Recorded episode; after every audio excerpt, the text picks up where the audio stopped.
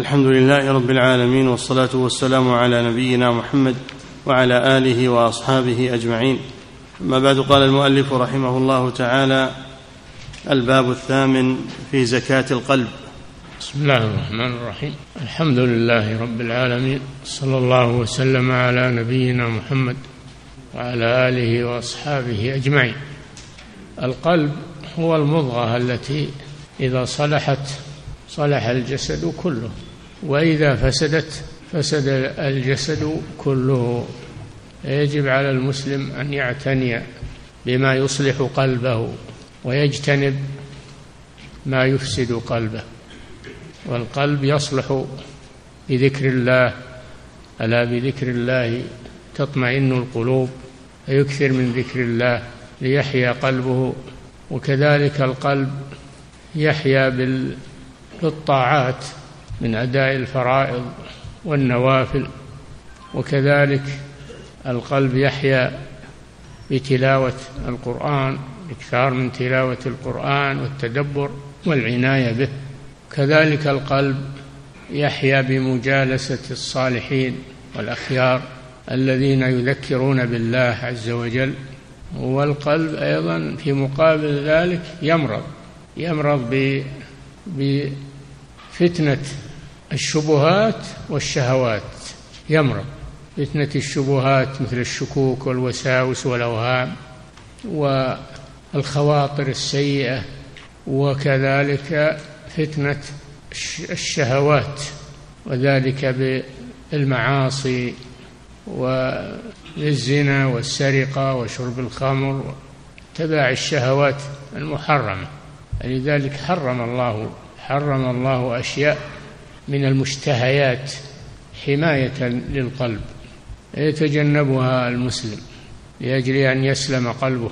والسمع والبصر كلها منافذ للقلب ينبغي يجب على المسلم أن يستعمل بصره يستعمله فيما ينفعه ما يفيده والا يطلقه في النظر إلى ما حرم الله. وكذلك السماع ما يسمع بأذنيه إلا ما يحيي قلبه ويتجنب سماع ما يميت قلبه أو يمرضه من الغيبة والنميمة والشتم والسباب وكذلك سماع الأغاني والمزامير. هذه تمرض القلب وهي تأتي عن طريق السمع. ولهذا قال إن السمع والبصر والفؤاد كل أولئك كان عنه مسؤولا فالمسلم يعتني بقلبه وما يصلحه. وكذلك من أهم ما يصلح القلب أكل الحلال أكل الطيبات الحلال تجنب المآكل المحرمة والمشارب المحرمة. آه، في الحديث الرجل الذي يطيل السفر أشعث أكبر يمد يديه إلى السماء يا رب يا رب مطعمه حرام مشربه حرام وملبسه حرام وغذي بالحرام. أنه يستجاب لذلك. فالمآكل الطيبة المباحة تطهر القلوب والمآكل الخبيثة تمرض القلوب. القلب يمرض كما يمرض البدن فإذا اشتد به المرض يموت. فإذا مات القلب فلا فائدة في البدن. لذلك يعتني المسلم بقلبه وما يصلحه وما يحييه ويتجنب ما يضر قلبه ويعميه. قال تعالى فإنها لا تعمى الأبصار ولكن تعمى القلوب التي في الصدور. هذه أمور مهمة للعبد أن يعتني بقلبه. وما يصلحه ويحييه تجنب ما يمرض قلبه ويميته. قال الله جل وعلا في المنافقين في قلوبهم مرض مرض شبهات مرض الشكوك والأوهام هذا مرض المنافقين. في قلوبهم مرض فزادهم الله مرضا. نعم. الباب الثامن في زكاة القلب الزكاة في اللغة هي النماء والزيادة في الصلاح وكمال الشيء. يقال نعم. زكى الشيء إذا نمى. نعم الزكاة تطلق ويراد بها النماء والزيادة. يقال زكى الزرع إذا نمى تطلق ويراد بها الطهارة. يراد بها الطهارة من النجاسة والحسية والمعنوية. نعم. قال تعالى خذ من أموالهم صدقة تطهرهم وتزكيهم بها. فجمع تطهرهم وتزكيهم بها. طهرهم من البخل من الشح وتزكيهم تنمي الخير فيهم وتنمي المال. نعم. قال تعالى خذ من أموالهم صدقة تطهرهم وتزكيهم بها. خذ من أموالهم من أموال المسلمين. والزكاة هي الركن الثالث من أركان الإسلام وهي قرينة الصلاة في كتاب الله. وذكر الحكمة فيها أنها تطهرهم وتزكيهم. هذه هي الحكمة في الزكاة. وهذه الصدقة صدقة أي الزكاة. الزكاة تسمى صدقة. قال تعالى إنما الصدقات للفقراء يعني الزكاة. نعم. قال تعالى خذ من أموالهم صدقة تطهرهم وتزكيهم بها. فجمع نعم. فجمع بين الأمرين الطهارة والزكاة لتلازمهما. أي نعم. الطهارة والزكاة التي هي النماء والزيادة. يحصل لهم الأمران. إذا دفعوا الزكاة يحصل لهم الأمران طهارة ونماء أموالهم وسلامتها. نعم. فجمع بين الأمرين الطهارة والزكاة لتلازمهما فإن نجاسة الفواحش والمعاصي في القلب بمنزلة الأخلاط الرديئة في البدن وبمنزلة الدغل في الزرع. فإن فإن نجاسة الفواحش والمعاصي في القلب بمنزلة الأخلاط الرديئة في البدن. نعم. وبمنزلة الدغل في الزرع. نعم. وبمنزلة الخبث في الذهب والفضة والنحاس والحديد. نعم. فكما أن البدن إذا استفرغ فكما أن البدن إذا استفرغ من الأخلاط الرديئة تخلصت القوة الطبيعية منها فاستراحت. فعملت عملها بلا معوق ولا ممانع فنمى البدن فكذلك القلب. إذا تخلص من الذنوب بالتوبة فقد استفرغ من تخليطه فتخلصت قوة القلب وإرادته للخير فاستراح من تلك الجواذب الفاسدة والمواد الرديئة زكى ونمى وقوي واشتد. الناس يعتنون بالأبدان ويعالجون الأبدان. بالادويه وأنواع الأدوية الذهاب إلى الأطباء لكن قليل منهم من يعتني بالقلب. القلب يمرض ولا يلتفت له. البدن إذا مرض أسرع إلى الطبيب وإلى أخذ الأدوية. نعم. فكذلك القلب إذا تخلص من الذنوب بالتوبة فقد استفرغ من تخليطه.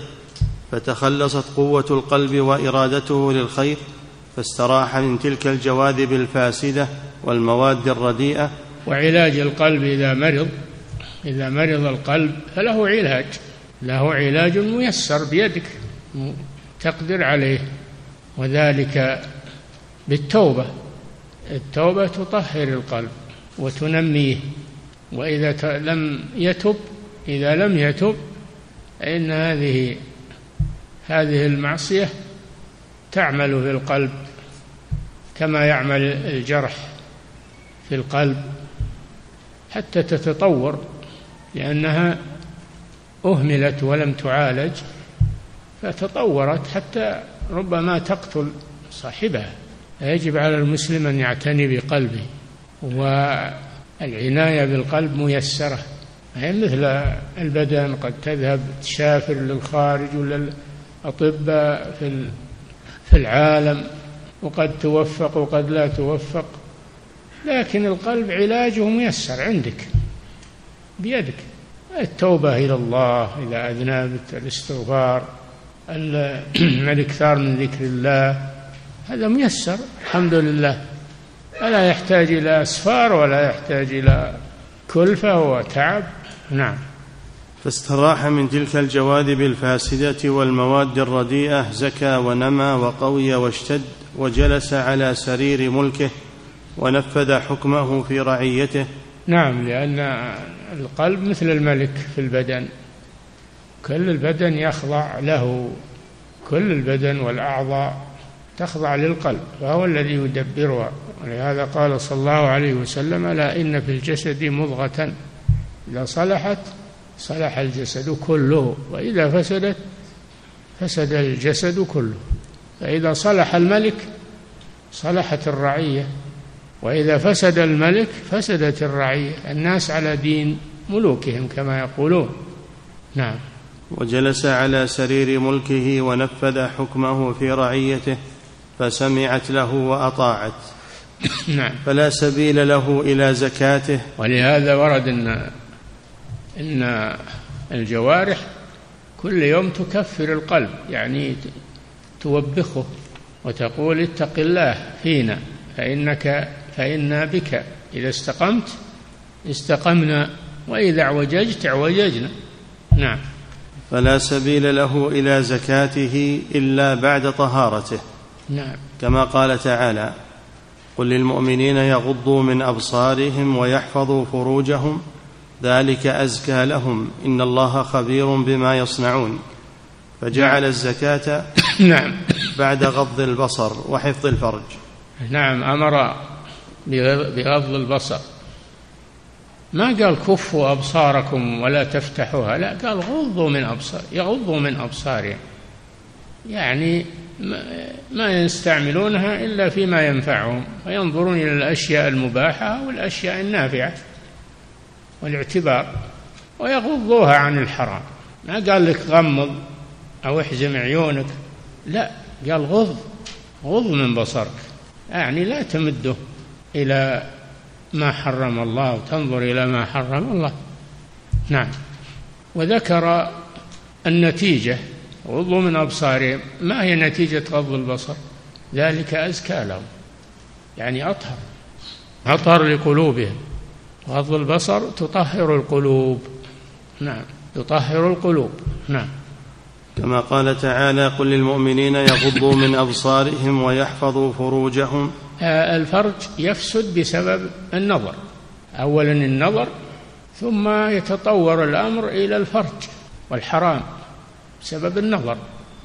ما وقع كثير من الناس في الزنا وغيره إلا بسبب إطلاق النظر إلى الأشياء.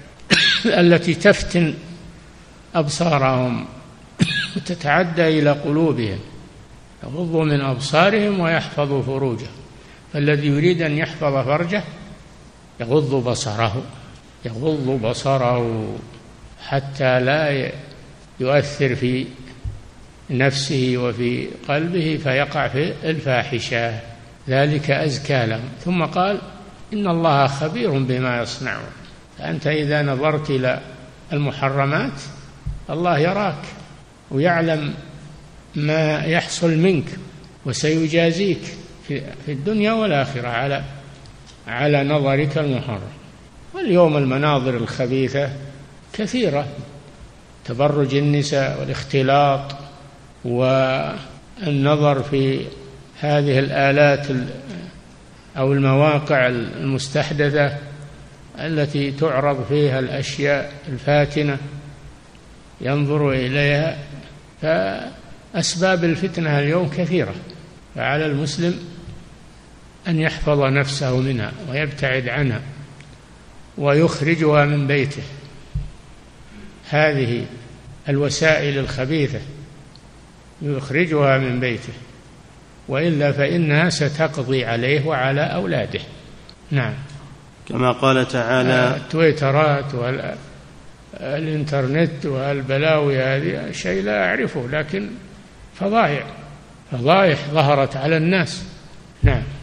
كما قال تعالى قل للمؤمنين يغضوا من أبصارهم ويحفظوا فروجهم ذلك أزكى لهم إن الله خبير بما يصنعون. فجعل الزكاة بعد غض البصر وحفظ الفرج. نعم. غض البصر سبب لحصول الزكاة وهي الطهارة. طهارة للقلب والخلق والعمل.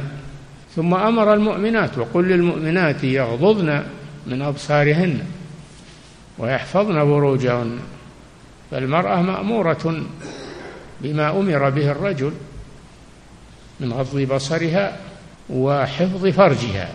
فإذا غضت بصرها حفظت فرجها. وإذا أطلقت بصرها قادها إلى الفاحشة وإلى فساد الخلق. نظرة فابتسامة فموعد فلقاء. نظرة فابتسامة فموعد فلقاء. هكذا تدرج. لا تتساهل في النظر في هذه الأمور. لا تتساهل. أنت تجرح قلبك بهذا النظر. ولهذا ورد في الحديث أن النظر سهم مسموم من سهام إبليس. سهم يعني قذيفة. وين تروح؟ تروح لقلبك. فأنت ترمي قلبك بالسهم. سهم مسموم من سهام إبليس. لا تتساهل بالنظر هذا. نعم. وله خاص أو مقصور على الذهاب إلى الأسواق والنظر إلى النساء بل اليوم عم الشر في هذه الوسائل التي تعرض لك المناظر الخبيثة والمناظر الفاسدة. نعم توفرها لك. نعم. وجعل الزكاة بعد غض البصر وحفظ الفرج. ولهذا كان غض البصر عن المحارم. يوجب ثلاثة عن المحارم يعني المحرمات. ما هو غض النصر النظر عن المحارم يعني عن محارم الإنسان من النساء خواته وبناته لا المراد بالمحارم هنا المحرمات. ولهذا؟ ولهذا كان غض البصر عن المحارم يوجب ثلاث فوائد عظيمة الخطر جليلة القدر. إحداها حلاوة الإيمان ولذته. نعم لأن من غض بصره فإن هذا يؤثر في قلبه حلاوة الإيمان. حلاوة الإيمان. قل للمؤمنين يغضوا من أبصارهم ويحفظوا فروجهم.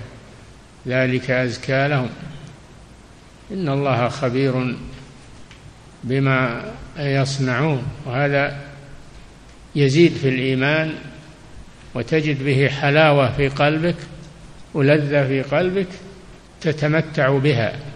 كما أن النظر إلى الحرام يزرع في قلبك الشهوة فتجد في قلبك المرض تجد في قلبك المرارة.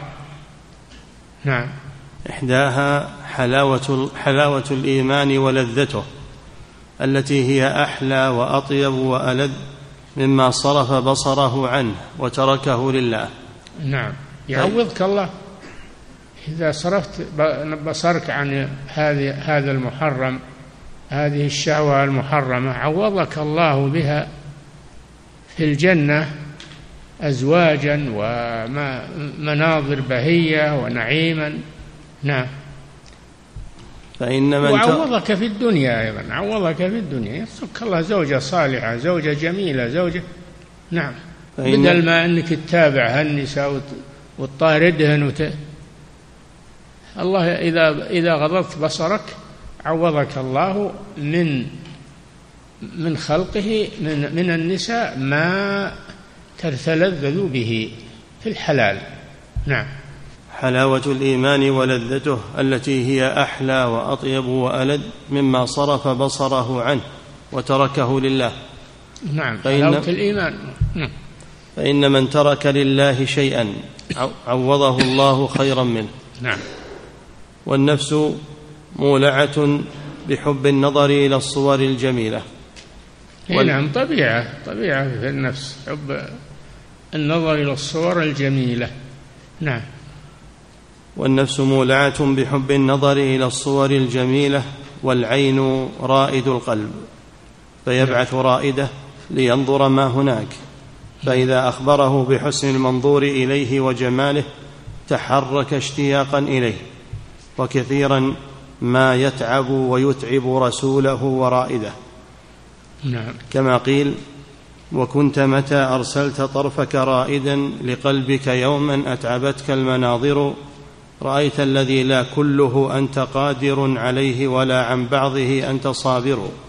هذه شيء مصيبة ما رأيت الذي لا كله أنت صابر عنه ولا عن بعضه رأيت الذي لا كله أنت قادر عليه. أنت قادر عليه ولا عن بعضه أنت صابر.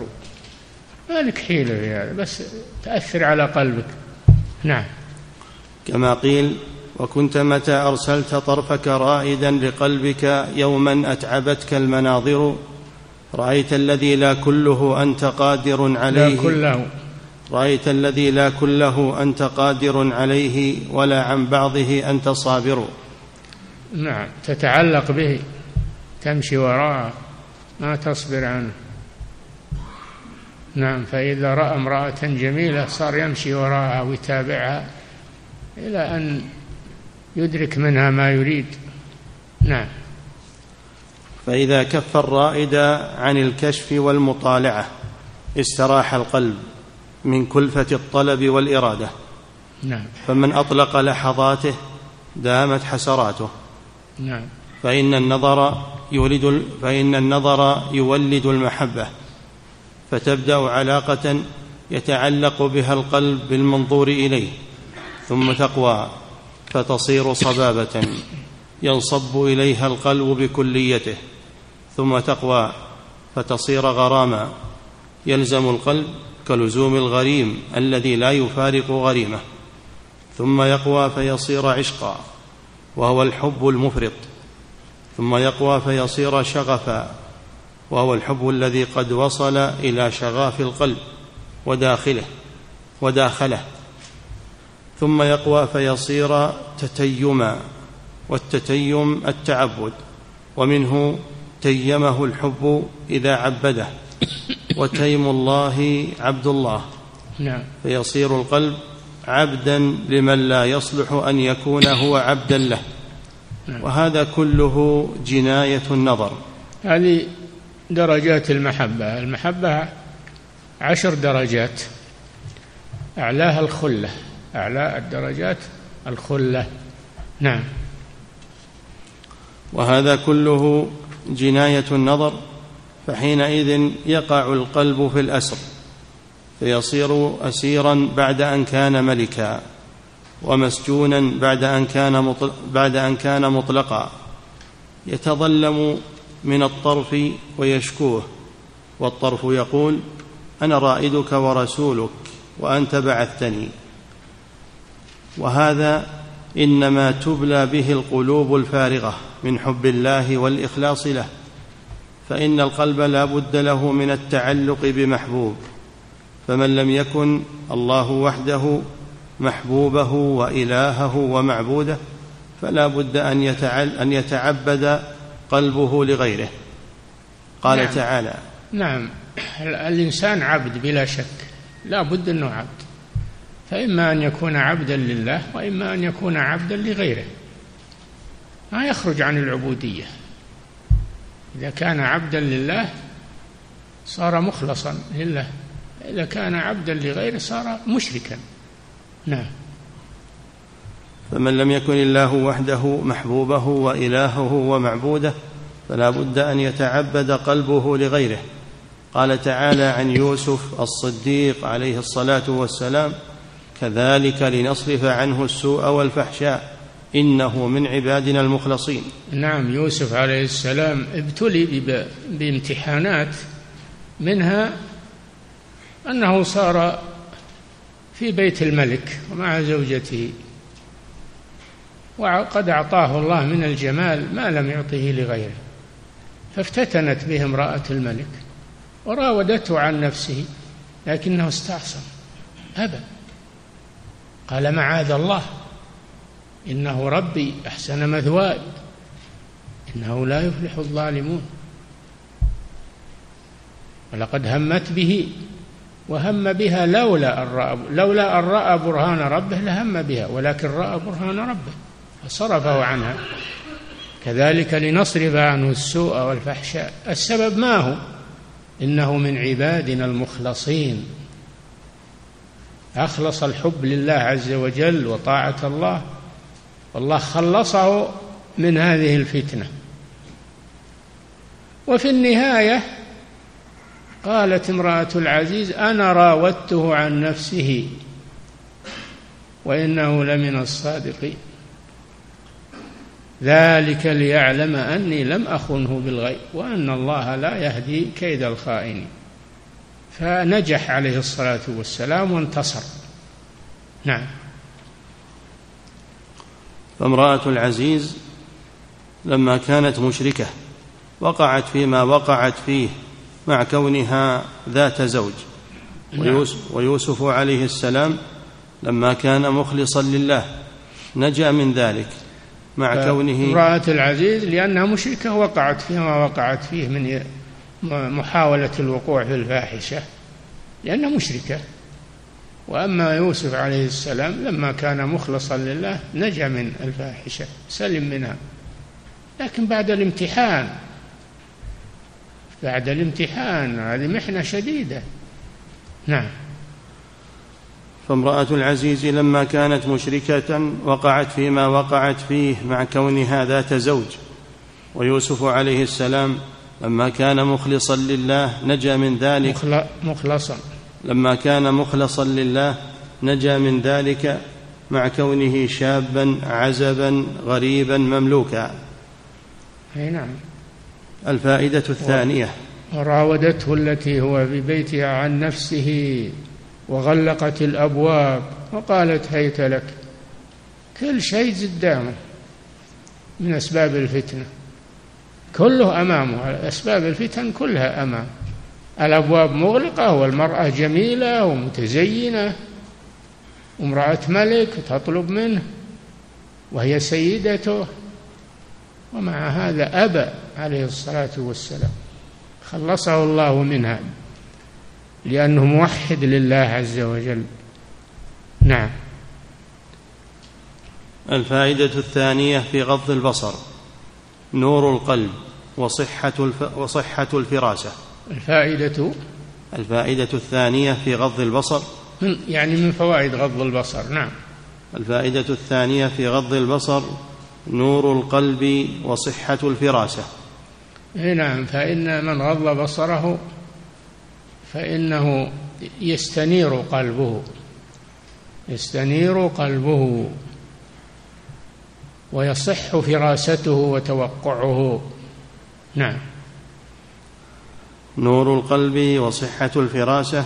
قال أبو شجاع الكرماني من عمر ظاهره باتباع السنة وباطنه بدوام المراقبة وكف نفسه عن الشهوات وغض بصره عن المحارم واعتاد أكل الحلال لم تخطئ له فراسه لم تخطئ له فراسة. الفراسه توقع الأشياء وتجي كما توقعها.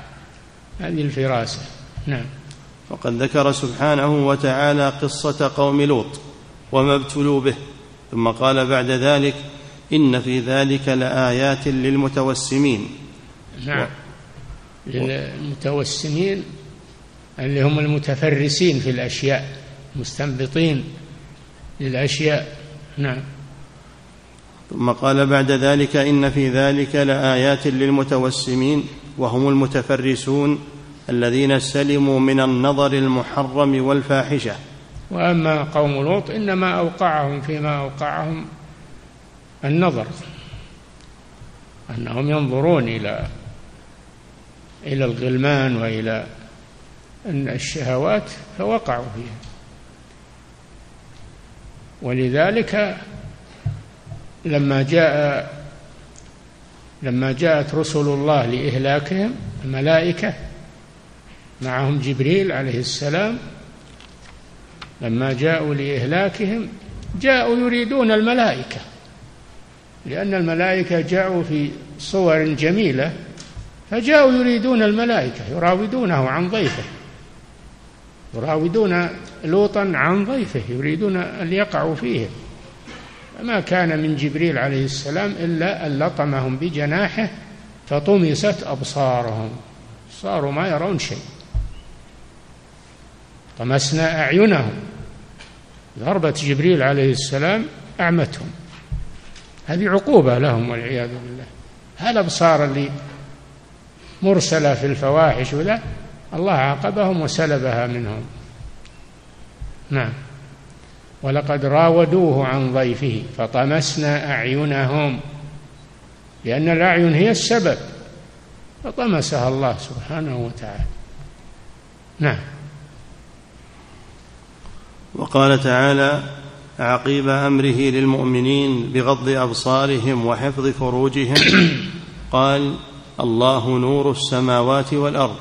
نعم لما ذكر غض البصر للرجال والنساء وحفظ الفروج قال الله نور السماوات والأرض مثل نوره كمشكاه هذا مثال للنور المخلوق في الله جل وعلا اسمه النور ومن ومن أسمائه النور وصفاته النور.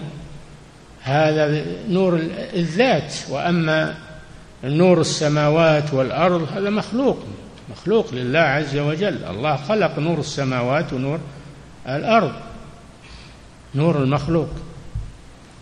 مثل نوره النور المخلوق لأن نور الله الذي هو صفته لا يمثل ولا يشبه فهذا النور المخلوق الذي خلقه الله. والمراد به الإيمان الذي في قلب المؤمن.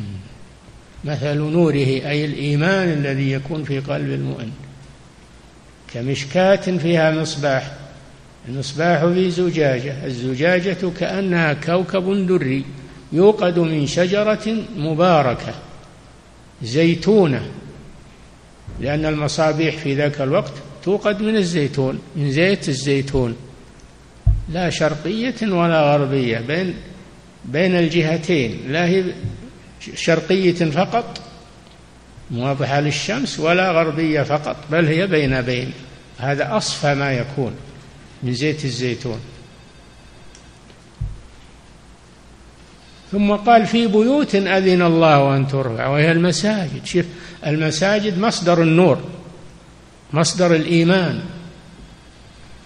مصدر النور ومصدر الإيمان المساجد. في بيوت أذن الله أن ترفع ويذكر فيها اسمه. نعم. وقال تعالى عقيب أمره للمؤمنين بغض أبصارهم وحفظ فروجهم. قال الله نور السماوات والأرض وسر هذا أن الجزاء من جنس العمل. فمن غض بصره عما حرمه الله عليه عوضه الله من جنسه ما هو خير منه. فكما أمسك نور بصره عن المحرمات أطلق الله نور بصيرته وقلبه. نعم نور الله قلبه. نور الله قلبه حتى صار كالمصباح كالز... كال... كالمشكاة التي فيها مصباح. لأنه إذا كان المشكاة الكوة يعني. إذا كان فيها مصباح فإنها تجمع تجمع النور. ما يتفرق النور يصير أقوى للنور تجمعه هذه الكوة نعم. هذا هذا صدر المؤمن وقلب المؤمن. يصير فيه نور مثل هذا. نعم. بسبب غض البصر وحفظ الفرج. نعم. فكما أمسك نور بصره عن المحرمات أطلق الله نور بصيرته وقلبه. نعم. فرأى به ما لم يره من أطلق بصره ولم يغضه عن محارم الله. وهذا أمر يحسه الإنسان من نفسه. نعم. فإن القلب كالمرآة والهوى كالصدأ فيها. فإذا خلص فإذا خلصت من الصدأ انطبعت فيها صور الحقائق. انطبعت فيها صور الحقائق كما هي عليه. وإذا صدئت لم ينطبع فيها صور المعلومات. فيكون علمه وكلامه من باب الخرص والظنون. نعم. الفائدة الثالثة قوة القلب وثباته وشجاعته. فيعطيه الله الفائدة الثالثة من فوائد غض البصر. نعم. الفائدة الثالثة قوة القلب وثباته وشجاعته فيعطيه الله بقوته سلطان النصرة كما أعطاه بنوره سلطان الحجة فيجمع له بين السلطانين ويهرب الشيطان منه. كما في الأثر إن الذي يخالف هواه يفرق الشيطان من ظله. نعم. ولهذا يوجد في المتبع هواه من ذل النفس وضعفها ومهانتها ما جعله الله لمن عصاه. فإنه سبحانه جعل العز لمن أطاعه والذل لمن عصاه.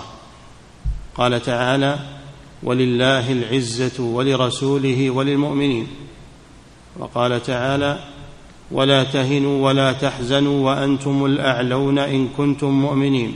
بهذا الشرط إن كنتم مؤمنين فأنتم الأعلون. نعم.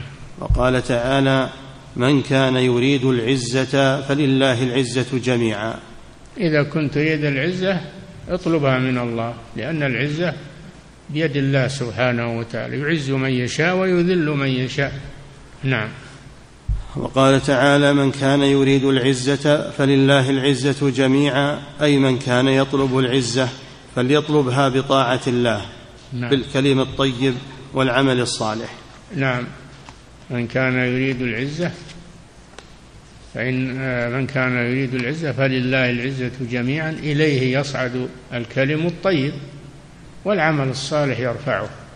فإذا كنت تريد العزة أطلبها من الله بالكلام الطيب وبالعمل الصالح. نعم. وقال بعض السلف الناس يطلبون العزة بأبواب الملوك ولا نعم. يجدونه. وقال بعض السلف الناس يطلبون العزة بأبواب الملوك بأبواب الملوك. نعم. ولا يجدونه إلا في طاعة الله. ما تجد العزة الصحيحة إلا في أبواب المساجد. ما تجدها في أبواب الملوك. إذا كنت تريد العزة فعليك بالمساجد.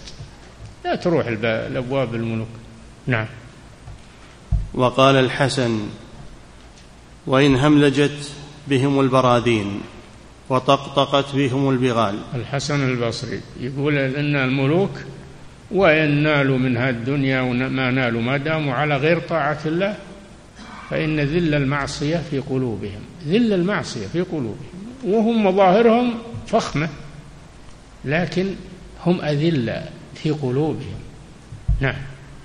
وصاحب الطاعة عزيز وإن كان في أثواب الرثة وفي مظهر يعني دني دون مظهر دون لكن قلبه كلام على قلبه ما هو الكلام على مظهره.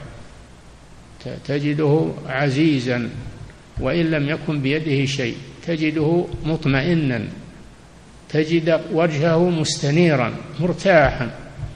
وذاك مهموم الملك اللي ما هو مؤمن مهموم مغموم وإن كان في مظهر بهي وفي أبها ذل المعصية في قلبه. وهذا عز الطاعة في قلبه. فرق بين هذا وهذا. نعم. وقال الحسن وإن هملجت بهم البراذين وطقطقت بهم البغال إن ذل المعصية لفي قلوبهم. نعم. أبى الله إلا أن يذل من عصاه. نعم. وذلك أن من أطاع الله فقد والاه ولا يذل من والاه ربه.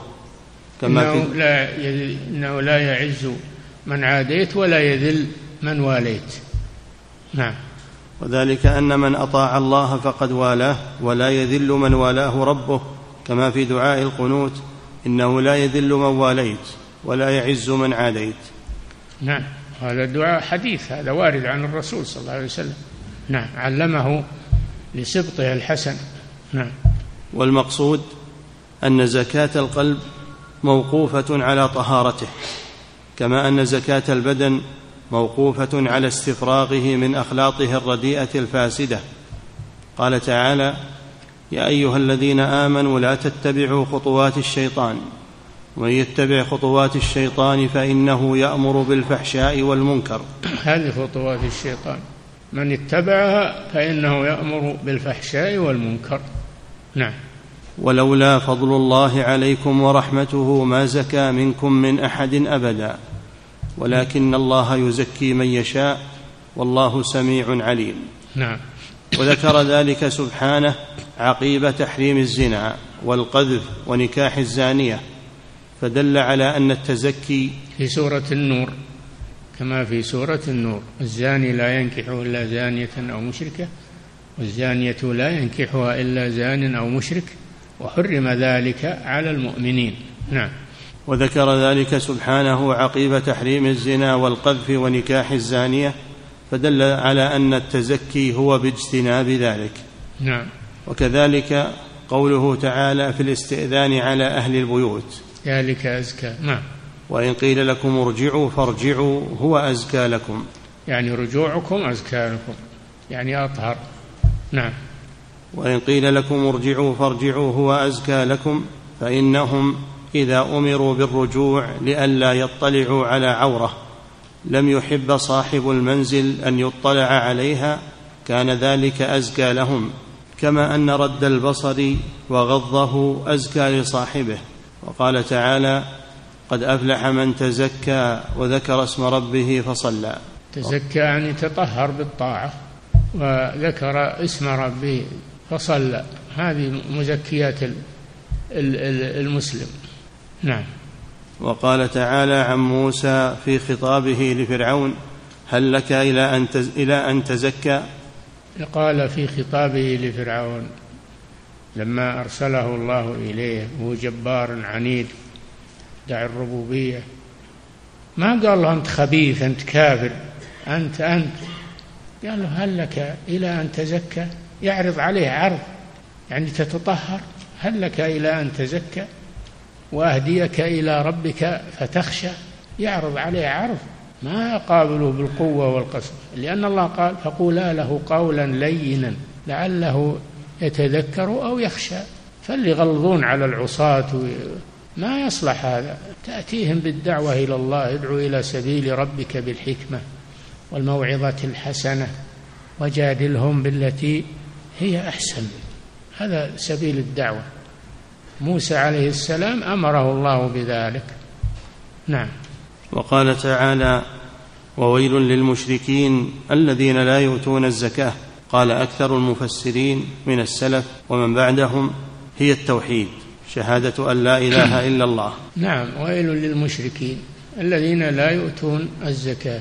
زكاة التوحيد. المراد بها زكاة التوحيد. المشرك ما عليه زكاة. ولو دفع الزكاة ما تنفعه. حتى يسلم. لكن المراد بالزكاة هنا زكاة التوحيد. لا يؤتون الزكاة يعني لا يوحدون الله ولا يعبدونه لأنها تزكيهم وتطهرهم. نعم. قال أكثر المفسرين من السلف ومن بعدهم هي التوحيد شهادة أن لا إله إلا الله والإيمان الذي به يزكو القلب. نعم. فإنه يتضمن نفي إلهية ما سوى الحق من القلب. وذلك طهارة وإثبات إلهيته سبحانه وهو أصل كل زكاة ونماء فإن التزكي وإن كان أصله النماء والزيادة والبركة فإنما يحصل بإزالة الشر. قد أفلح ونفس وما سواها فألهمها فجورها وتقواها. قد أفلح من زكاها من زكى نفسه. زكاها بأي شيء؟ بالطاعة. يعني طهرها من دنس المعاصي والشرك والكفر إلى الطاعة والتوحيد والعبادة. نعم هذه تزكيتها. نعم. فلهذا صار التزكي ينتظم الأمرين جميعا فأصل ما تزكو به الزكاة تطلق ويراد بها زكاة النفس بالطاعة وتطلق ويراد بها زكاة البدن. كيف زكاة البدن؟ نعم زكاة البدن بدفع صدقة الفطر. دفع صدقة الفطر هذه زكاة ليش؟ للبدن. زكاة المال. الزكاة ثلاثة أنواع. زكاة النفس زكاة البدن زكاة المال. نعم. فإنه يتضمن نفي إلهية ما سوى الحق من القلب وذلك طهارة وإثبات إلهيته سبحانه هو أصل كل زكاة ونماء. فإن التزكي وإن كان أصله النماء والزيادة والبركة فإنما يحصل بإزالة الشر. فلهذا صار التزكي ينتظم الأمرين جميعا. فأصل ما تزكو به القلوب والأرواح هو التوحيد. نعم. والتزكية جعل الشيء زكيا إما في ذاته وإما في الاعتقاد والخبر عنه. كما يقال عدلته وفسقته إذا جعلته كذلك في الخارج أو في الاعتقاد والخبر. وعلى هذا فقوله تعالى فلا تزكوا أنفسكم. هو على غير معنى قد أفلح من زكاها. نعم تزكية النفس مأمور بها ومنهي عنها. كيف؟ مأمور بها بالطاعة تزكيها بالطاعة والعبادة. ومنهي عنها بالمدح تمدح نفسك وتكمل نفسك وهذا ما يجوز. ألم تر إلى الذين يزكون أنفسهم؟ يعني اليهود. بل الله يزكي من يشاء ولا يظلمون فتيلا. قال فلا تزكوا أنفسكم هو أعلم بمن اتقى. تزكية النفس بالطاعة وذكر الله هذا مطلوب. أما تزكيتها بالمدح والثناء والرفع الترفع على الناس هذا مذموم. نعم. وعلى هذا فقوله تعالى فلا تزكوا أنفسكم هو على غير معنى قد أفلح من زكاها أي لا تخبروا بزكاتها وتقولوا نحن زاكون صالحون متقون. ولهذا قال عقب ذلك هو أعلم بمن اتقى. وكان ولهذا قال عقيب ذلك هو أعلم بمن اتقى. وكان اسم زينب برة فقال تزكي نفسها. فسماها رسول الله صلى الله عليه وسلم زينب وقال الله أعلم بأهل البر منكم. نعم. وكذلك قوله ألم تر إلى الذين يزكون أنفسهم أي يعتقدون زكاءها ويخبرون به كما يزكي المزكي الشاهد فيقول عن نفسه ما يقول المزكي فيه.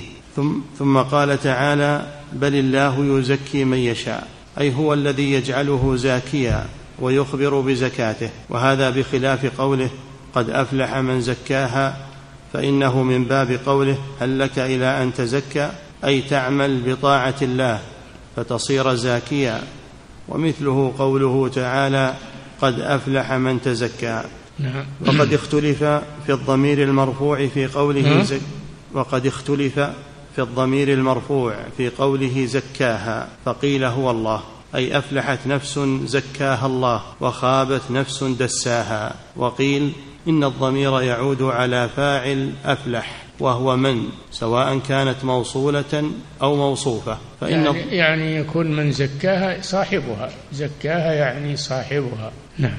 وقيل إن الضمير يعود على فاعل أفلح وهو من سواء, سواء كانت موصولة أو موصوفة فإن الضمير لو عاد على الله سبحانه لقال قد أفلح من زكاه وقد خاب من دساه. والأولون يقولون من وإن كان لفظها مذكرا. هذا بحث هذا بحث نحوي بحث من جهة النحو. نعم.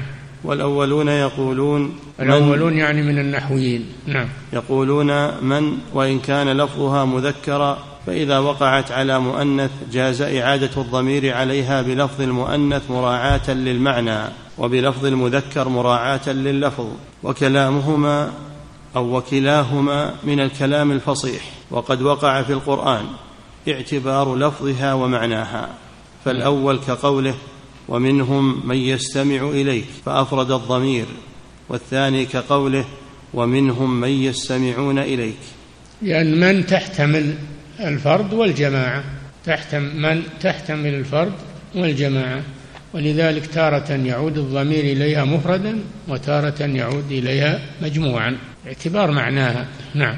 قال المرجحون للقول الأول يدل على صحة قولنا ما رواه أهل السنن من حديث ابن أبي مليكة عن عائشة رضي الله عنها قالت أتيت ليلة فوجدت رسول الله صلى الله عليه وسلم يقول رب أعط نفسي تقواها وزكها أنت خير من زكاها أنت وليها ومولاها. فهذا الدعاء كالتفسير لهذه الآية. وأن الله أن المزكي هو الله. نعم. هذا الدعاء كالتفسير لهذه الآية وأن الله هو الذي يزكي النفوس فتصير زاكية. بل الله يزكي من يشاء. نعم. فتصير زاكية فالله هو المزكي. فيجمع بين المعنيين فالمزكي يكون هو الله هذا هو الأصل ويكون هو صاحب النفس. نعم نعم. فالله هو المزكي والعبد هو المتزكي والفرق بينهما فرق ما بين الفاعل والمطاوع.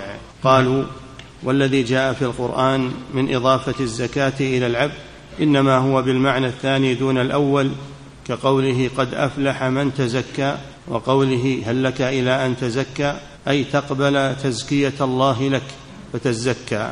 قالوا وهذا هو الحق فإنه لا مفلح إلا من زكاه الله. قالوا وهذا اختيار ترجمان القرآن ابن عباس. ابن نعم. عباس. فإنه قال في رواية علي بن أبي طلحة وعطاء والكلبي قد أفلح من زكى الله نفسه. وقال ابن زيد قد أفلح من زكى الله نفسه. واختاره ابن جرير. قالوا ويشهد لهذا القول أيضا قوله في أول السورة فألهمها فجورها وتقواها. قالوا وأيضا فإن الله سبحانه أخبر أنه خالق النفس وصفاتها وذلك هو معنى التسوية. قال أصحاب القول الآخر. يكفي طال على هذا نعم نعم. أقف هنا شيء نعم. أكمل. نعم أكمل. لا قف على هذا. هذا بحث لغوي نحوي نعم. تجاوز يا شيخ إلى كلام قتادة؟ إي نعم. يقول وقال قتادة قد أفلح من زكاها من يكفي عمل. يكفي, يكفي. قف على هذا. بس نجيه مرة ثانية إن شاء الله. راح الوقت الآن ما بدي للأسئلة وقت. نعم. فضيلة الشيخ وفقكم الله. يقول هل يجب على الزوج أن يمنع زوجته من استعمال النت أم يجوز له أن يأذن لها مع توجيهها ومتابعتها؟ لا. يمنعها من ذلك. ما هو من مصلحتها. ما هو من مصلحتها. يمنعها من ذلك. نعم. فضيلة الشيخ وفقكم الله. بل يمنع نفسه. هو ما هو من مصلحته هذا نعم. فضيلة الشيخ وفقكم الله يقول في مجتمعنا ينتشر أو تنتشر رؤية النساء للرجال. في الشارع وفي التلفاز وفي غير ذلك ويقال إنه يباح للمرأة أن ترى الرجل إذا كان بغير فتنة. فما الضابط في هذا الأمر؟ نعم إذا كانت تنظر إليه معجبة به ونظر فتنة ما يجوز. أما إذا كانت تنظر إليه نظرة عابرة من غير قصد فلا بأس. نعم. فضيلة الشيخ وفقكم الله يقول ما الأسباب المعينة لنا؟ نحن الشباب لحفظ شهواتنا وحفظ نظرنا حيث كثرت هذه الوسائل الجالبة للشر والفتنة. هل من نصيحة جامعة في ذلك؟ ما أبلغ من قول الرسول صلى الله عليه وسلم يا معشر الشباب من استطاع منكم الباءة فليتزوج فإنه أغض للبصر وأحسن للفرج. فأنتم شباب احرصوا على أن تتزوجوا وإلا إذا لم تقدروا على الزواج فتعففوا وليستعفف الذين لا يجدون نكاحا حتى يغنيهم الله من فضله. تعففوا وصونوا أبصاركم وصونوا أنفسكم من وسائل الشر وابتعدوا عنها. نعم. فضيلة الشيخ وفقكم الله يقول ما حكم من يرسل بعض المقاطع التي فيها فوائد لكنها قد تحتوي على الموسيقى أو على صور النساء؟ كل ما فيها خير لا تستعملوها والخير موجود بدونها خير موجود بدونها والحمد لله. نعم. بدل ما تقرأ في المقاطع اقرأ بكتاب يا أخي اقرأ بالقرآن أعظم شيء. نعم. فضيلة الشيخ وفقكم الله يقول مر معنا أن الخلة هي أعلى مراتب الحب. هل هي أعلى من العشق والتتيم؟ أي نعم أي نعم هي أعلى ولذلك ما نالها من الخلق إلا إبراهيم عليه السلام ومحمد عليهم الصلاة والسلام. ما نالها أحد من الخلق مع الله سبحانه وتعالى. اتخذ الله إبراهيم خليلا وقال صلى الله عليه وسلم إن الله اتخذني خليلا كما اتخذ إبراهيم خليلا. نعم. فضيلة الشيخ وفقكم الله يقول أليست الفراسة امرا ظنيا ولذلك نهى الشارع عن الظن؟ وكذلك لا, لا, لا الظن السيء ظن السوء هو المنهي عنه. أما الظن الذي فيه الذي فيه فائدة هذا ليس منهيا عنه. نعم. فضيلة الشيخ وفقكم الله يقول السائل هل في تسمية الولد باسم حكيم يعتبر تزكية مدح له؟ لا. لا بأس. نعم. وكذلك حفظك الله يقول هل يدخل في تزكية النفس التسمية باسم فايز؟ كما لا, لا ما يدخل في هذا نعم. فضيلة الشيخ وفقكم الله في قوله سبحانه هذا من باب التفاؤل. من باب التفاؤل ما هو من باب التزكية؟ نعم. فالح وفايز وصالح هذه من باب التفاؤل. نعم.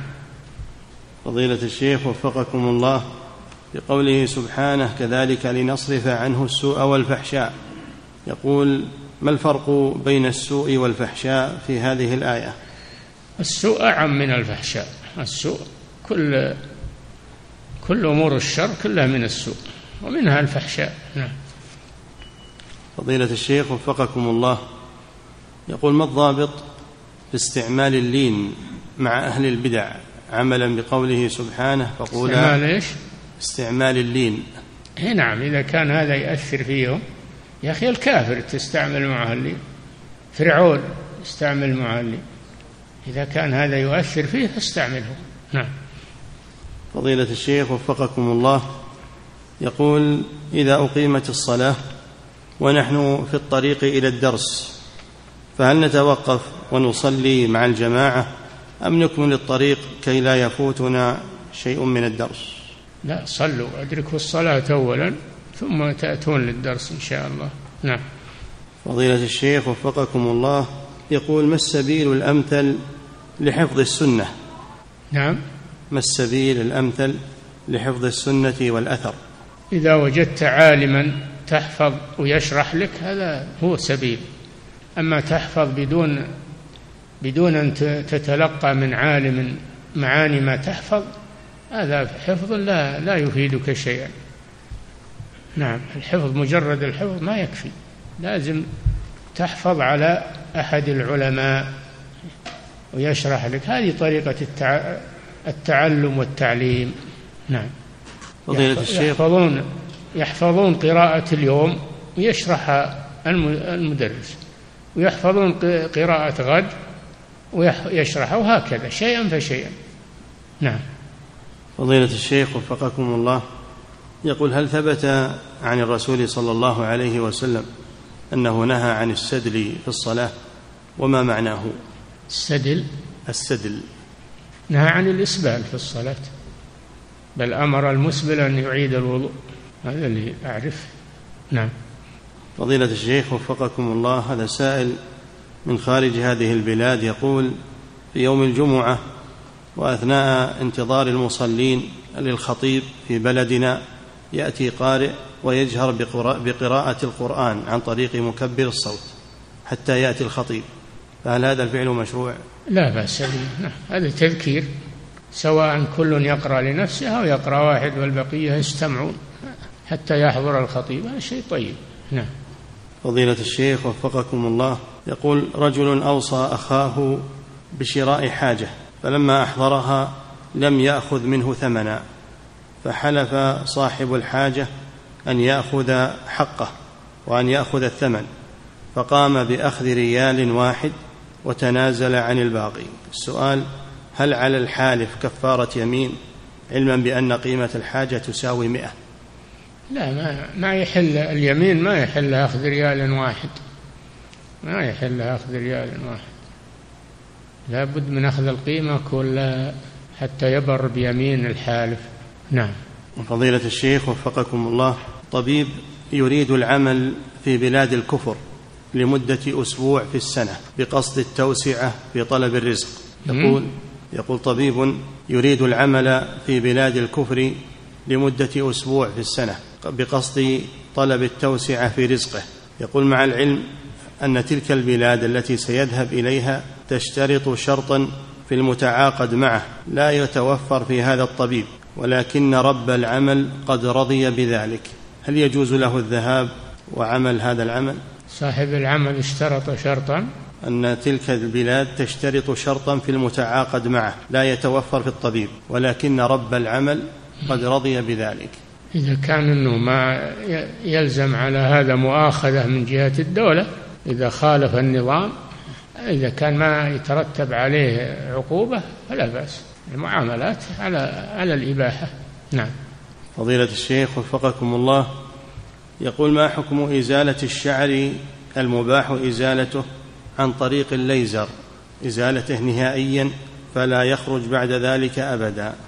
هذا يشاور الأطباء وأظن ما يصلح هذا لأن خروج الشعر فيه مصلحة للبدن فإذا لم يخرج يتضرر البدن. لكن يشاور الأطباء في هذا. نعم. فضيلة الشيخ وفقكم الله يقول هل فتح حساب بنكي في البنوك الربوية يعتبر جائزا للحاجة؟ فتح إيش؟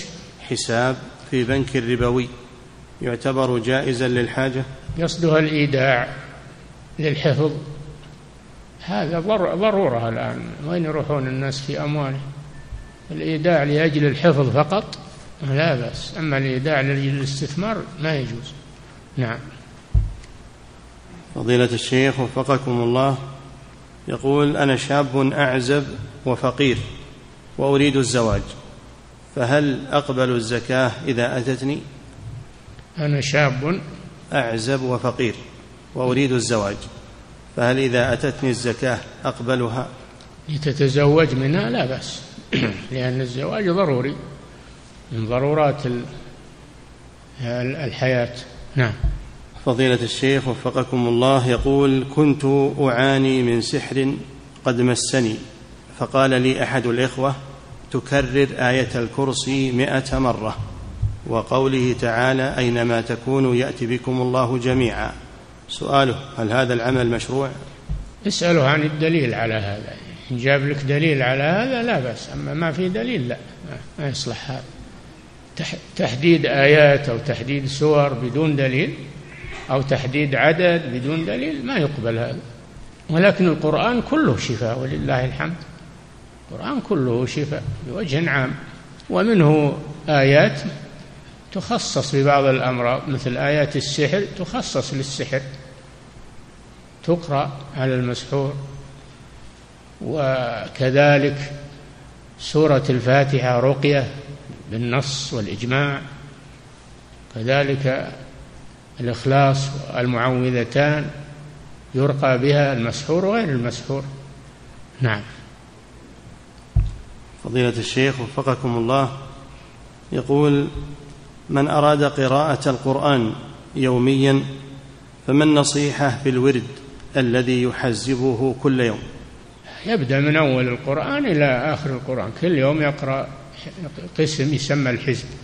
كل يوم يقرأ قسم من القرآن يسمى الحزب. حسب ما ما تضع لنفسك طول الحزب أو تقصر الحزب ما يخالف. حتى تختم القرآن في النهاية. نعم.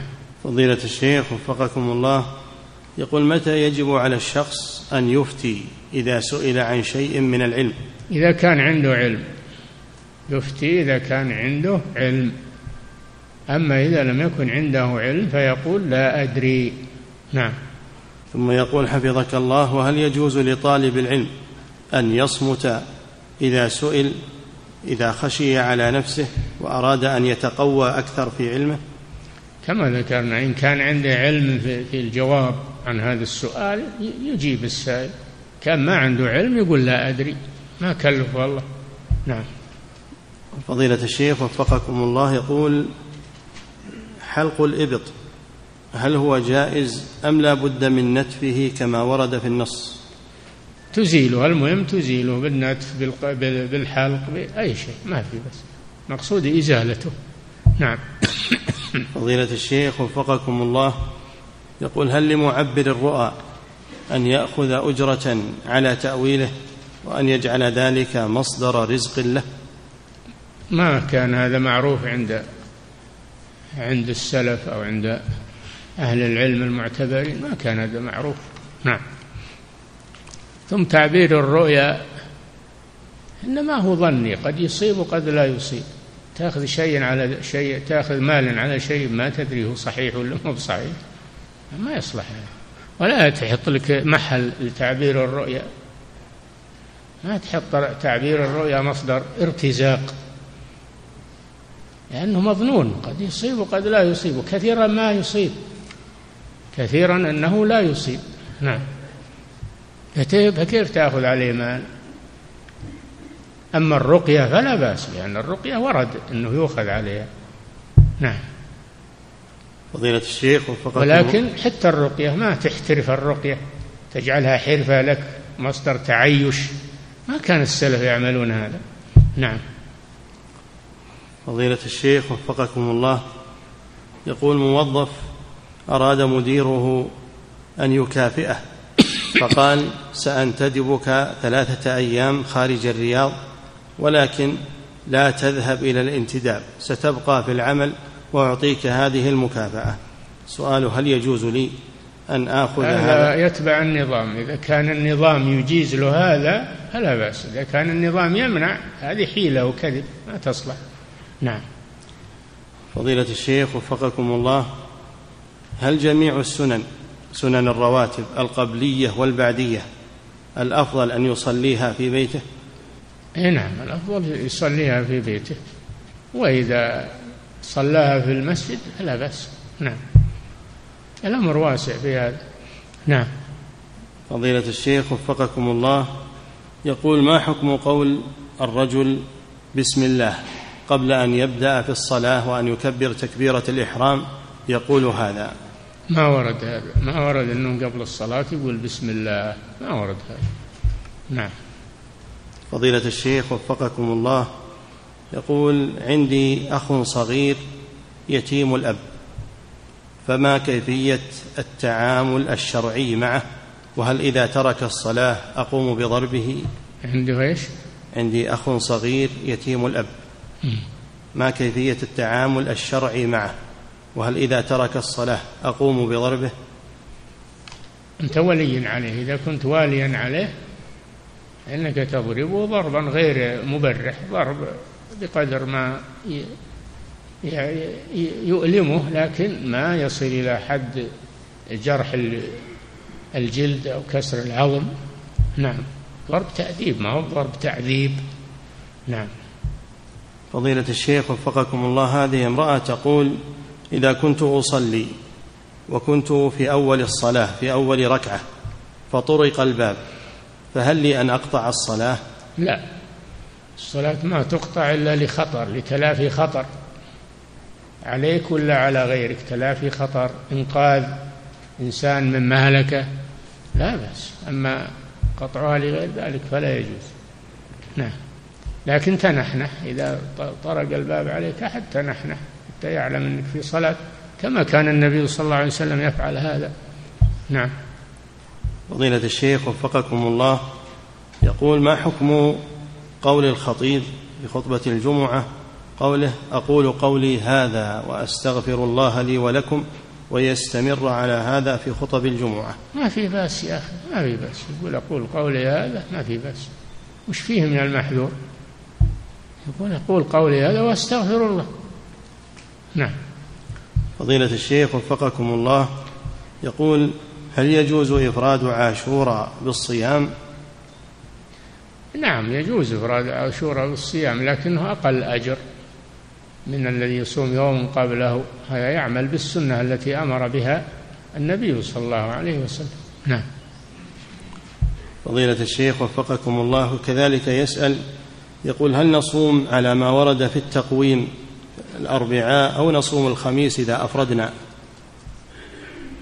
الأحوط أنك تصوم يوم في هذه السنة الأحوط أنك تصوم يوم الأربعاء والخميس. لأنك إما تصادف التاسع والعاشر أو تصادف العاشر والحادي عشر. نعم. فضيلة الشيخ وفقكم الله يقول هل تقسيم البدعة إلى بدعة كفرية وبدعة محرمة وبدعة مكروهة؟ هل هو صحيح؟ نعم. البدع ليست على حد سواء. بدعة كفرية البناء على القبور والدعاء الأموات والاستغاثة بالأموات هذه بدعة شركية. والبدعة مفسقة وبدعة معصية هذه يعني البدع ما هي على حد سواء. نعم. فضيلة الشيخ وفقكم الله يقول ما حكم إفراد يوم السبت بالصيام؟ منهي عنه. هو الذي صح به الحديث إفراد يوم الجمعة. ورد حديث في النهي عن إفراد يوم السبت لكنه لم يصح. حديث ضعيف. نعم. فضيلة الشيخ وفقكم الله يقول دعاء ركوب الدابة. هل يشرع عندما يركب الإنسان في المصعد الكهربائي؟ لا. السفر. هذا يسمى دعاء السفر. إذا كان تبي تسافر على هالمصعد ما يخالف. نعم. انتهى. الله تعالى أعلم وصلى الله وسلم على نبينا محمد وعلى آله وصحبه. مؤسسة الدعوة الخيرية. الدعوة إلى الله هدفنا والتقنية الحديثة وسيلتنا.